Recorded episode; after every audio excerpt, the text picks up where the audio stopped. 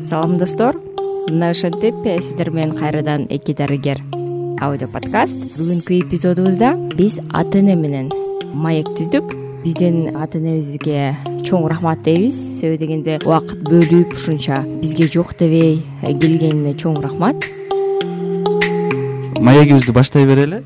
Биринчи сурообуз бизде мындай балаңыздын мындай өзгөчөлүгү бар экенин сиз качан билип калдыңыз кантип билип калдыңыз? Айтып бере аласызбы суранчы менин бул биринчи балам. Быйыл он бешке чыгат. Бала алтысан аман эле төрөлгөн жакшынакай. Биз үч жашка чейин эч нерсе билген жокпуз. Бул баланы эрке деп ойлоп жүрдүк тили чыга элек деп. Баягы улуу кишилер айтып калышты. Чыгат беш жашта деле сүйлөйт эчтеке болбойт деп. Басып чуркап турса эле ойлошту бала жакшы деп. Анан үч жаштан кийин гана чакырсаң келбейт айткан сөздү түшүнбөйт такыр баягы эркеликти азыр акыл эс кире элек деп биз дагы дагы убакытты чое бердик. Андан кийин баягы жора жолдошторубуз менен жолугуп калганда алардын балдарын көрүп алардын ошол тең балдары менен салыштыра баштаганда бул бала таптакыр эле түшүнүгү жок болгонун байкадым.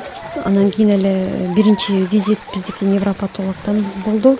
Ага чейинки барган невропатолог врачтар буну эч билишкен жок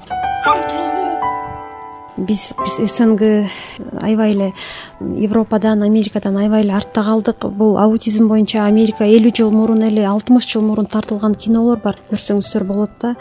Э, человек дождя дагы дагы көп көп кинолор бар. Ошондо эле белгиленген. А бизде менин балам төрөлгөн он беш жыл мурун педиатр даже ал сөздүн маанисин да түшүнбөчү. Азыркы күнгө чейин рас деген сөздү расстройство аутистического спектра дегенди даже кээ бир кээ бир дарыгерлер дарыгерлер даже ушунун расшифровкасын түшүнө алышпайт. Ал убакытта бул советский союз убагында бул балдарды көбүнчөсүн э, баягы умственно отсталые дети шизофрения деп эле реабилитационный центрларга өткөзүп дальше он сегиз жашка чыкканда чымкоргонго өткөзүп баланын тагдыры ошо менен өлчү бул балдар дүйнө жүзү такыр башкача. Өзүнүн дүйнөсү бар.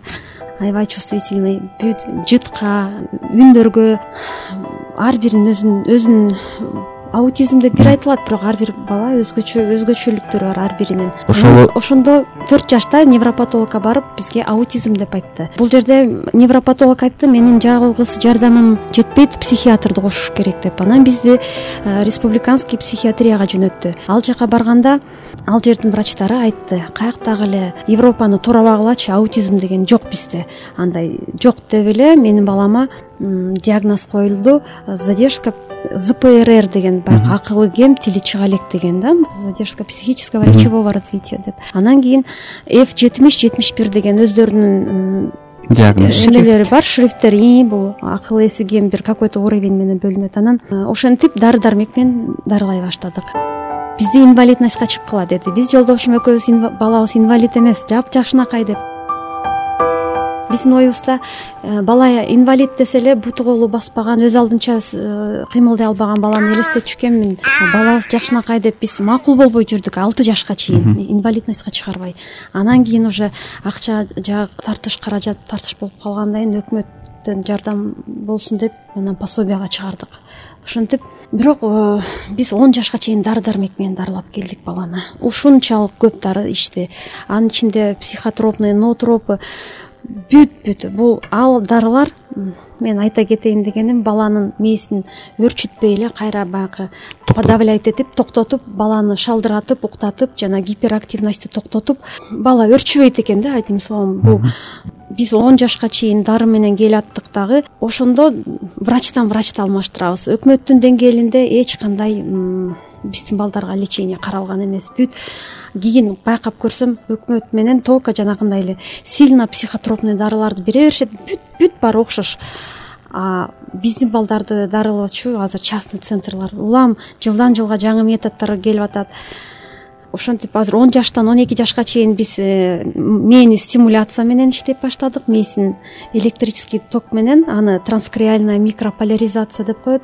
Ошол э, үч ай сайын үч ай сайын алматыдан алып аттык ошол леченияны анан баягы биз кыргызбыз да биринен болбосо биринен шифа болор деп кыргызчылыкка да алып бардык. Молдо молдо дегендин баарына бардык. Оштон келди бияктан эң кыйын дегендин баарына.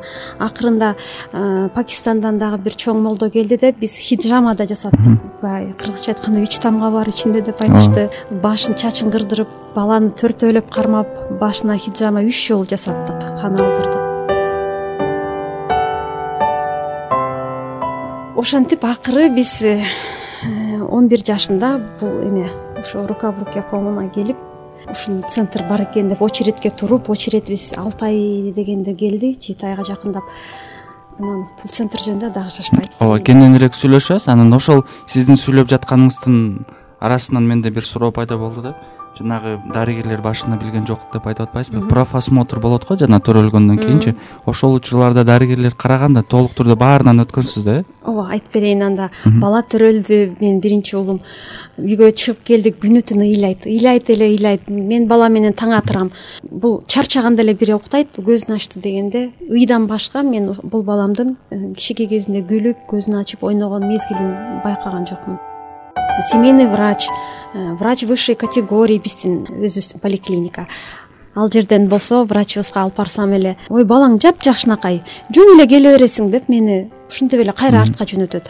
Дагы барам кайра барам эки айга чейинки аралыкта айтып атам да прививкага чейин. Ыйлап атат мен эже ыйлап атат бир жери ооруп атабы десем келет текшерет жүрөгүн өпкөсүн тыңшайт буту колун тет балаң жапжакшынакай дейт. Анан врачтын айтканы бул болду. Ата эненин бирөөсү ыйлак да ошону тарткан деп койду да бала ыйлак деп. Анан ушундай эле жооп алдык. Анан эки айында бизди прививканын астында невропатологдун осмотруна жиберди жалга бардык. Жалга барып ал врачтардын аттарын айтпай эле коеюн. Э, врачка кирдик бизди узиге жөнөттү. Ошондо врачка кирип узиге кирип чыкканча баланын ыйы токтобойт. Прям ошондо узидеги очередтегилер баары мага очередти беришти. Могу баланы эс алдырып анан без очередь алып киргилечи а то эч ким невозможно здесь деп анан ошондо э, эки саат ыйлап атып уктаган баланын мээсин тартышты дагы чыгып э, ал кагазды мен э, баягы эмгеги жабыла элек кезинде тартты да ал кагазды алып барып кайра невропатологко кирдим киргенде ал мага мээ өзүнүн возрастына ылайыктуу өрчүп атат. деп айтты. Баары жакшы. Анан мен баланын ыйлаганынан билем. Мен мынча жылдан бери бул чөйрөдө иштеп атам. Бул балада дисбактериоз. У него кишечниги ооруп атат кишечник еще баягы сиңе албайт тамактычы. Калыбына келе калыбына келе элек ошон үчүн ыйлап атат деп айтып койду. Болду. Анан профилактический прививкага улуксаат берилет деп жазып беришти. Ошону менен келдик дагы. Биз ушунча сүйүнүп ошондо чыгып келатканда жолдошум экөөбүз самый главный башы жакшы экен эми кишечникти дарылап алабыз деген ой кеткен. Келип прививканы акдс бир алдык бирин экисин үчүн уда ала бердик каждый прививкада ар бир балага эле таасир берет температура берет. Бирок менин баламда өзгөчө температура бир жумалап барып араң токточу. Ошол эки ай үч ай төрт ай беш айында алган прививка баланы уже бул төрөлгөндө эле неврологический оорусу бар баланы артка тартып бала бир жашта араң гана белин кармап отура алган. Здоровый бала бир жашта басыш керек. Ошону менен бул жерде бир жаштагы прививканы да алдырып коюшту мага мен деле эчтеке билбейм. Биринчи балам мен мындай баланы деле түшүнбөдүм өзүм дагы. Анан ошондо бир жашта прививканы алганга чейин балада үндөр пайда болду эле да мындай а ба деген кичинеден акырындан. Бир жаштан кийин ошо прививкадан кийин бала алты жашка чейин таптакыр звук эмес эчтеке жок болуп калды. Тыптыч эчтеке ыйдан башка эчтеке жок. Анан бир жашта прививка корь краснуха дагы бир нерсеси бар. Ошо ишөөнө сайылган бала көтөрө албай иммунитети аябай ылдый болгондуктан корь басып кетти. Ошо кичинекей вакцинадан. Жетинчи күн дегенде балада температура аябай көтөрүлүп бүт кызыл басып кетти. Бизди жаткызышты чуйский больницага аякта он алты күн жатып чыктык. Эмне эмне антибиотиктер сайгандарын билбейм ошо менен аяктан чыктык. Анан биз ушу төрөлгөндөн бир жашта анан бизди бизге дцп коюп коюшту бутубуз электеп дагы. Анан биз баягы массажда жүрдүк. Жыл бою токтогон жокпуз. Эки жума барабыз эки жума эс алабыз. Ошентип массаж алып атып эки жашта эки ай дегенде баланы бутуна тургуздук. Анан бир буту басканда ушунча сүйүнгөнбүз балабыздын буту басты деп анан андан аркы тили чыгабы акыл эси кирейби ошону ойлоп атыптырбыз анан бул жерде врачтардын түшүнбөгөн түшүнбөстүгү баланы э, тщательно деген мындай тереңдеп жакшылап изилдеп карашкан жок бала действительно. Мен өзүм эле көргөндө баланын баланын көзүндө бир мындай жылдыз жанып турбачу да наристе мынтип балада бир көп кайгы тургандай көрүнчү көзүндө. Как будто бул көп нерсе башынан өткөндөй да. Врачым баягы педиатрыбыз жакшы жакшы эле дей берди ошо менен.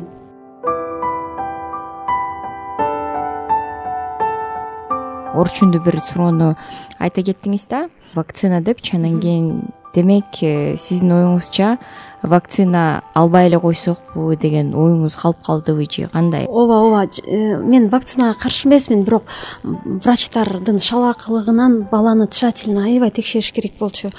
Прививканы э, медотвод деп коет кичине жылдырат бала убактылуу жакшы болгонго чейин ошондой кылып мен кийин бир үч жаш төрт жашка чыкканда деле алмакмын да. Ата энелерге дагы айткым келет да мен ошо прививкага эч качан шашылбаш керек. Прям э, жаш ата энелер бар прям ой мына звонить этти бүгүн ровно мынча болду ровно эки айда алышым керек деп мындай прям вовремя кылгылары келет баары эле бала үчүнчү. Бирок ал ага шашыштын кереги жок да. Бала сезиш керек баланы сезиш керек даже мурдунан суу да акпаш керек. Э, мындай бала абсолютно здоровый болуш керек бүт жагынан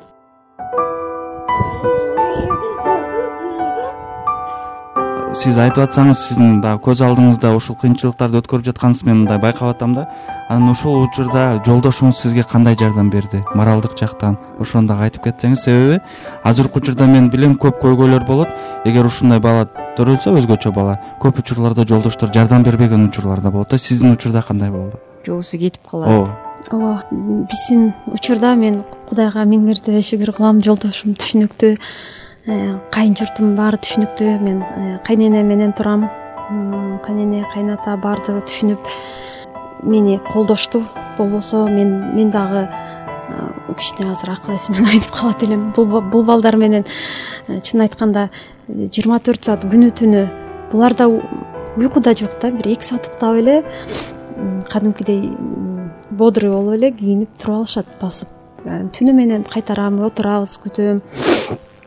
Анан жолдошумдун бирок баягы э, чыйпылдап мен тияк мынтип атыптыр мындай лечение болуп атыптыр тияка алып баралы бияка алып баралы деген үчүн жолдошум дагы ошого каршы чыкпай макул баягы кийин өкүнүп калбайлы деп болгон аракетибизди кылып атабыз болушунча э, бул балдарга каражат аябай көп сарпталат экен анан даже баягы срочно эми мен эч кимге муну эметким келген жок баягы срочно операция тигиндей мындай деген жерлерде жардам берилип атат баардыгыначы бирок биздин балдар үчүн бул каражат өмүр бою сарпталчу каражат экен да. Өмүр бою бул киши бул балдарга сопровождение керек өмүр бою дары дармек керек и баягы көз көз салып туруш керек болот бир кишиси дайым бир киши байланып отурат.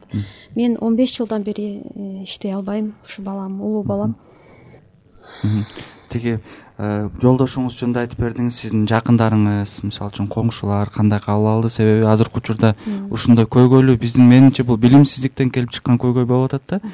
Баягы коңшуларыбыз дагы башкача мамиле кылып баштайт экен да.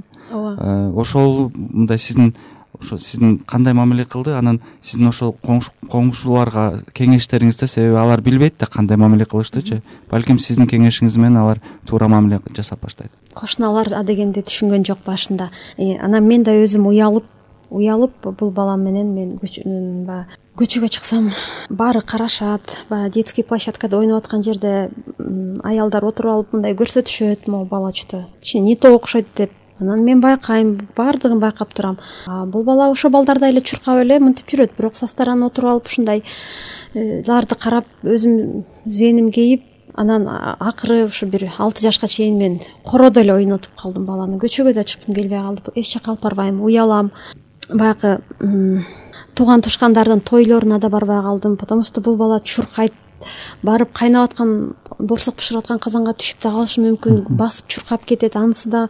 Бул анан же жардам кыла албайсың аларга же баламды карайм деп тура албайсың. Туугандар түшүнбөйт келин болгондон кийин келип кызмат кылышың керек дегендей. Мен ошентип көп жерден той тойдон жардамдан эч жерден бара албай ушундай калып кала бердим анан уялдым көчөдөн уялып аттым өзүмдүн дүйнөмө кетип калдым. Балам да сыяктуу эле мен дагы караңгылыкка кетип калдым. Анан кошуна көчөгө чыксаң балаң сдвг деген дагы э, бар эле мында. Ушунда беш жашында коюшкан. Бул аябай гиперактивный балдар. Буну кой деп атсаң буну жулат буну кой десең буякты кармайт. Ар бир шагында мындай дерганный болуп тура калып эмне болду? деген баягы всегда бар старт деген немеде турабыз да всегда даже үйдө чарчап бир көзүң жумулуп уйкуң келип атканда беш мүнөт көзүң илинип мынтип кеткенде чочуп койгоносуң бала эмне кылып атат деп. От него все можно ожидать. Буларга үйдү жардырып деле салат пожар кылып салат. Булар булардын мээси механический да бирок булардан кайра жооп ала албайсың да эмнеге кылдың дегенге.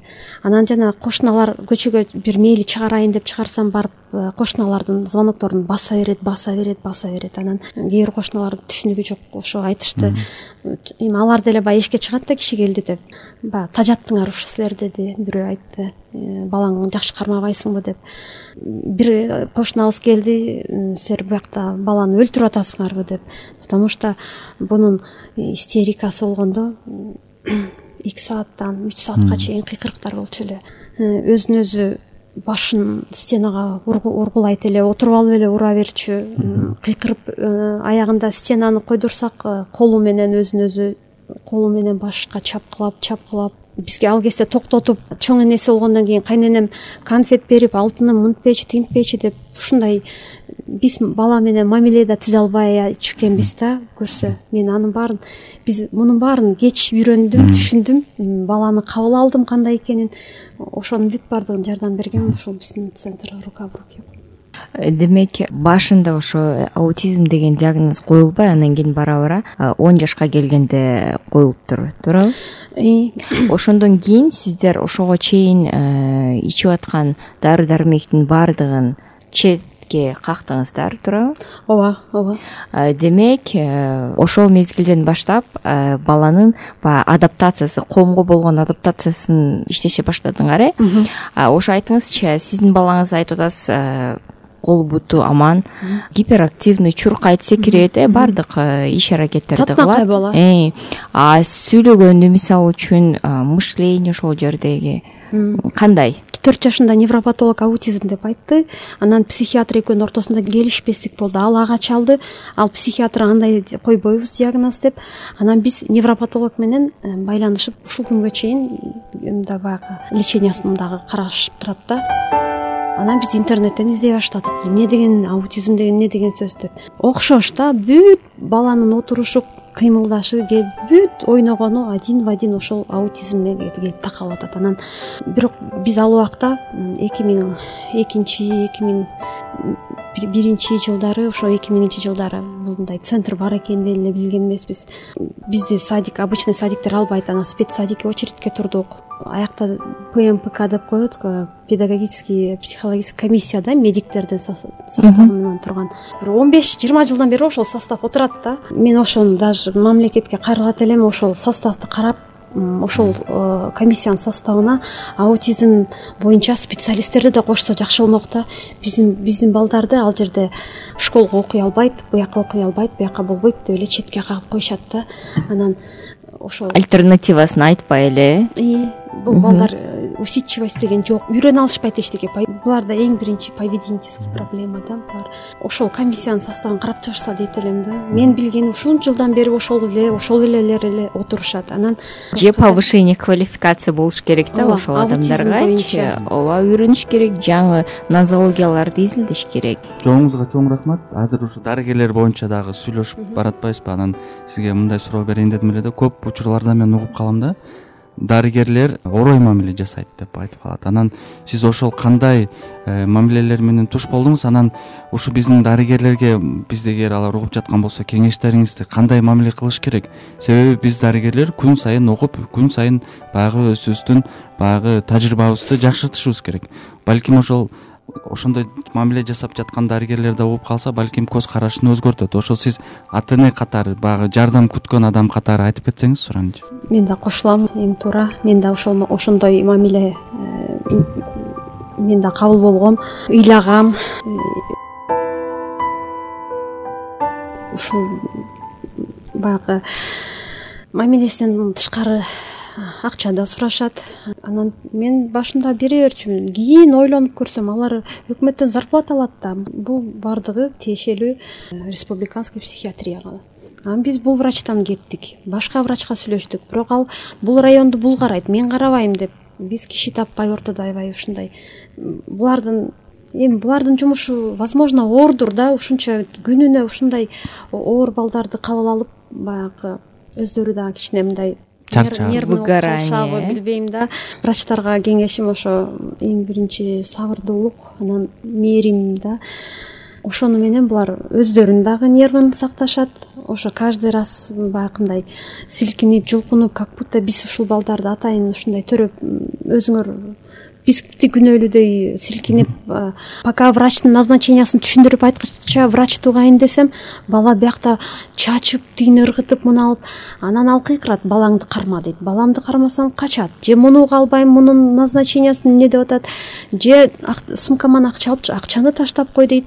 За прием мен ушундай бир ортодо кыжалаттыктар болгон. Мен э, бир эки сөз менен дагы кичине айтышып кеттик эле. Сиз бул бала менен жүргөндө жалгыз жүрүш өтө оор.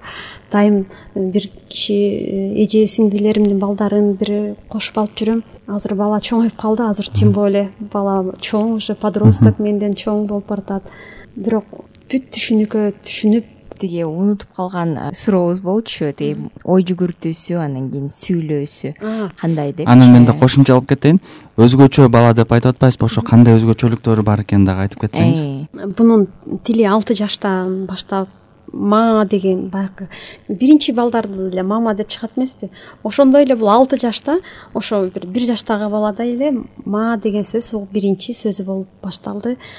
Анан речь жок эле да практически ошо ма слог эле кичине эле ба ма деген эле. Ошого да биз сүйүнүп э, ошо садикке барды эки жыл э, кырк сегизинчи садикке очередке туруп. Бирок ал садикте да воспитатель айтчу эле да бул балдар бир сенин балаң бир да ошону бүт тигини талкалады муну талкалады төлөгүлө деп эле анан. Камера видеокамерада эме запись барбы көрсөткүлө төлөп берейин дечүмүн да бүт талкалайт мындай деп түшүнбөйт деп анан ал жакта тили жок эле да сүйлөй элек эле. Садикте ошентип анан комиссиянын чечими менен биз отузунчу школго келип калдык. Ал жакта уже мындай чай нан деген бирок ошол дагы так айтпайт э, мындай невнятный да речичи мындай размытый да мындай анан. Ошондо э, школго келдик биз. Школ бизди эч нерсеге үйрөтө алган жок.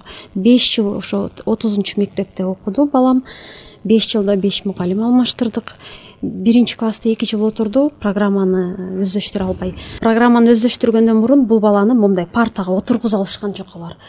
Бул столдун астында артта жүрөт өзгөчөлүгү бул баланын тиги балдар окуп аткан балдар кичине акыл эси кем кичине гана мындай бир эмеси кем балдар окушат да. Мен класста бул бала өзгөчөлүгү бул буква а деп айтып атса деле тиги балдар баары жакшынакай отурушат мындай. Бирөөнүн шилекейи аккан бирөө мындай ар кандай. А десе б деп отурушат да. Менин балам тетиги столдун алдында жүрөт артты карап тетиякта чуркап мындай жүрөт по классу. А десе а это три два баарын айтып берет. Артты карап жүрүп эле уга берет кулагы бирок при этом отуруп ошону эме утурбайт отурбайт. Класс жетекчи указка менен чабат. Мен кетпейм ушу сегизден он экиге чейин ошол жерде күтөм бала кыйкырат кыйкырып баланы ушундай состоянияга жеткизип атышты что мен баланы бир күн кечке оңой албай калам да баягы бир нерв козголгондон кийин бала кайра оңолушу да кыйын. Анан физкультурникке ошол школдун аты жөнүн айтпай эле коеюн спорт залга киргизбейт мени. Э, анан эле баламдын кыйкырган үнү чыгат. Анан мен кирем десем мен бул балдарды он сегиз жылдан бери тарбиялап келатам мындай балдарды. Сенин балаң жалгыз бекен деп айтты да. Ал скалкалка бар колунда тиги бар тебет экен чабат экен. Тиги балдар рядда турат менин балам турбайм дейт. Бизде ошентип поведениясы ушундай деп атып Э, акыры бизди школдон эме домашний обучение кетиребиз деди. Э, завучу чыкты сенин балаң шизофреник деп чыкты. Э, силерге вам эме психиатрияга барышыңар керек деп. Мен аябай эле ыйладым ал жерде. Ыйлап жүрдүм кайра комиссияга кирем. Комиссиянын чечими менен бала обучаемый деп чыгарышат. Анан мен тигилерге арыз жаздым. Раз комиссия чечим чыгарып аткандан кийин бала обучаемый дегенден кийин окутууга булар укуктуу да алар окутпайбыз дейт. Ошентип атып э, домашний обученияга котордук. Үйгө деле бир жумасына эки жолу келет андан эч жыйынтык жок. Ошону беш жыл ошол өкмөттүн школунда жүрүп жүрүп эч нерсеге үйрөнбөгөн баланы ошо рука в руке коомунан беш айда үйрөтүштү баланы. Даже андан кыска мөөнөттө баланы эң биринчи булар партага отургузуп мондай э, иштегенди үйрөтүштү контактировать эткенди үйрөтүштү бала менен контактты түзүш керек экен биринчи очередь. Бул жерде анан баламдын өзгөчөлүгү жана өзгөчөлүгү деген суроого жооп бере коеюн азыр азыркы күнгө чейин тетрадька допустим үч плюс эки барабар беш дегенди чыгара албайт. Бирок мондай акчаларды жайып коюп туруп акчадан э, мага эки жүз жыйырма жети сом берчи десең эки жүз жыйырма жети сом санап берет беш жүз алтымыш сом. Любой сумманы айтсаңарчы миңге чейинки. Бирок могу тетрадька жазып ошону чыгара албайт. Бул жерде баланы бүт жагынан балам аябай жакшы жардам алдык. Дагы эле алып атабыз дагы эле үмүтүбүз чоң. Анан балам эмес э, мен дагы мен өзүм чоң жардам алдым ал жерден. Өзүм психологический жактан мен эле эмес үй бүлөбүз баардыгыбыз ал жер эң биринчи ошо үй бүлө жана бала деген программасы бар. Ошо үй бүлөдө бала ким менен контактировать этип ким менен жашайт жашаса ошону бүт баардыгына булардын өзүнүн программасы бар баардыгын үйрөтүшөт. Кантип отношения кылыш керек эмне кылыш керек? Мен баламдын ушул жерге барып баламдын тилин таап балам менен мен азыр сүйлөшкөнүм аябай жеңил болуп калды да. Мындай бир чоң оор жүк өзүмөн түшкөндөй болду. Ал жерде көп ата энелер менен сүйлөшүп мен меникиндей балдарды көрүп отузунчу мектепте бул бала действительно башкача бала эле. Бул отузунчу отуз төртүнчү мектептер бул баягы өкмөттүн жанагы специальный вспомогательный школдор. Бул э, акыл эси кем бир башка мындай акыл эси кичине кемирээк кичине кичине баягы бир жерин мындай күлкүсү бар же бир бир бирок интеллект у них интеллект бар балдар окушат да а биздин балдарда интеллект деген жок болуп атпайбы булар булар өзүнүн дүйнөсүндө эле өзүнүн дүйнөсү менен мындай бизге бизде жылыш болуп атат жакшы эле жардам алып атабыз да. Бирок балада жанагындай аутистический расстройстволор кетпейт экен да жанагындай элементтер. Бул өзүнөн эле кетип калат кайра урматтуу угуучулар биздин биринчи эпизодубуз ушу менен аяктады. Себеби э, дагы сүйлөшпөй калган көп бир эки суроолорубуз калды да ошону кийинки эпизоддо айтабыз. Ата энелер менен болгон экинчи эпизодубуз болот достор кайрадан угушканча